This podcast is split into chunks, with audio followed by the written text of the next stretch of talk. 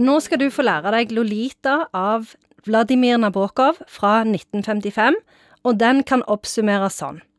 Umber Umber er en skikkelig drittfyr. Som Ja, åh, Altså, heter han Umber Umber? ja, han, for det er liksom Jeg skjønner ikke hvorfor denne boka alltid eh, havner på klassikerlister. Fordi at det er ei avskyelig bok, og jeg eh, blir dårlig bare av å tenke på den. Men jeg syns Nabokov han er en stor forfatter. Jeg har lest biografien hans. Den er helt fantastisk. Skriver mye gøy om sommerfugler, blant annet. han var veldig opptatt av de. Eh, Men denne boka her er jeg veldig negativ til og skeptisk til, og jeg har ikke egentlig lyst til å snakke om den. Men hvorfor er han en drittsekk? Fordi at han er pedofil. Og så kidnapper han ei jente, og han er bare en fæl, usympatisk, motbydelig type. Men denne boka er jo, som du sier, på alle listene Ja. over eh, klassikere. Alle er enige om at dette er en klassikerbosse for deg. Ja, den er det. Og jeg husker når jeg leste den Eh, Her er mitt problem.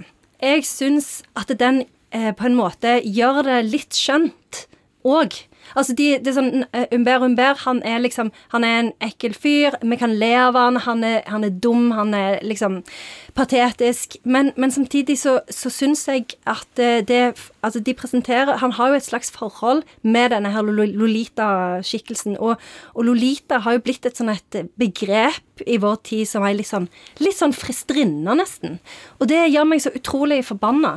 Og jeg husker når jeg leste den første gang, da var jeg ganske ung, og da skjønte jeg ikke hvor ung hun skal være i den boka. Og det er Ja, det er sånn 12 eller noe. 14, kanskje. Det er i hvert fall altfor guffent til å snakke om. Men det at du leser den og blir mektig provosert og forbanna og alt det der, da har en vel oppnådd noe? Da, da er det jo en klassiker, da. Ja, men det, jeg tror ikke at det er sånn at det er nødvendigvis en klassiker bare fordi det får en reaksjon.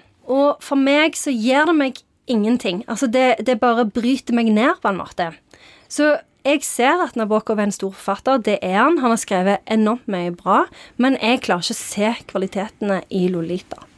For hvis det bare var å provosere, så skulle jeg òg klart å skrive en klassiker, for jeg skulle klart å provosere Janne Stigen Drangsholt på 1, 2, 3. Jeg kunne Ja. for eksempel bare sagt at mannfolk burde få en egen innsjekking på flyplassen, for vi har nesten ikke med oss håndbagasje, og vi vet også hvordan vi skal gå gjennom eh, de der på flyplassen, for vi har ikke så mye sånn i håndveska, hvis du skjønner med all slags det, sånne ting. Hvis jeg hadde skrevet det, så hadde du blitt dritforbanna. Det er ingen som bruker så lang tid som menn gjennom den der sikkerhetskontrollen. Altså, kvinner tjukk, tjukk, tid ble det tjukk, tjukk, tjukk, tjukk, tjukk Hallo, gjennom? det er jo tjukk, tjukk, tjukk hele tida. Kan jeg ta med meg denne?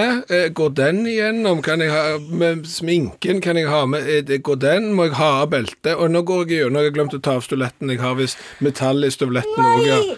De støvlettene er jo av på null sekund. Klassiker. Sikkerhetskontrollen av Bjørn Olav Skjæveland. En ny klassiker.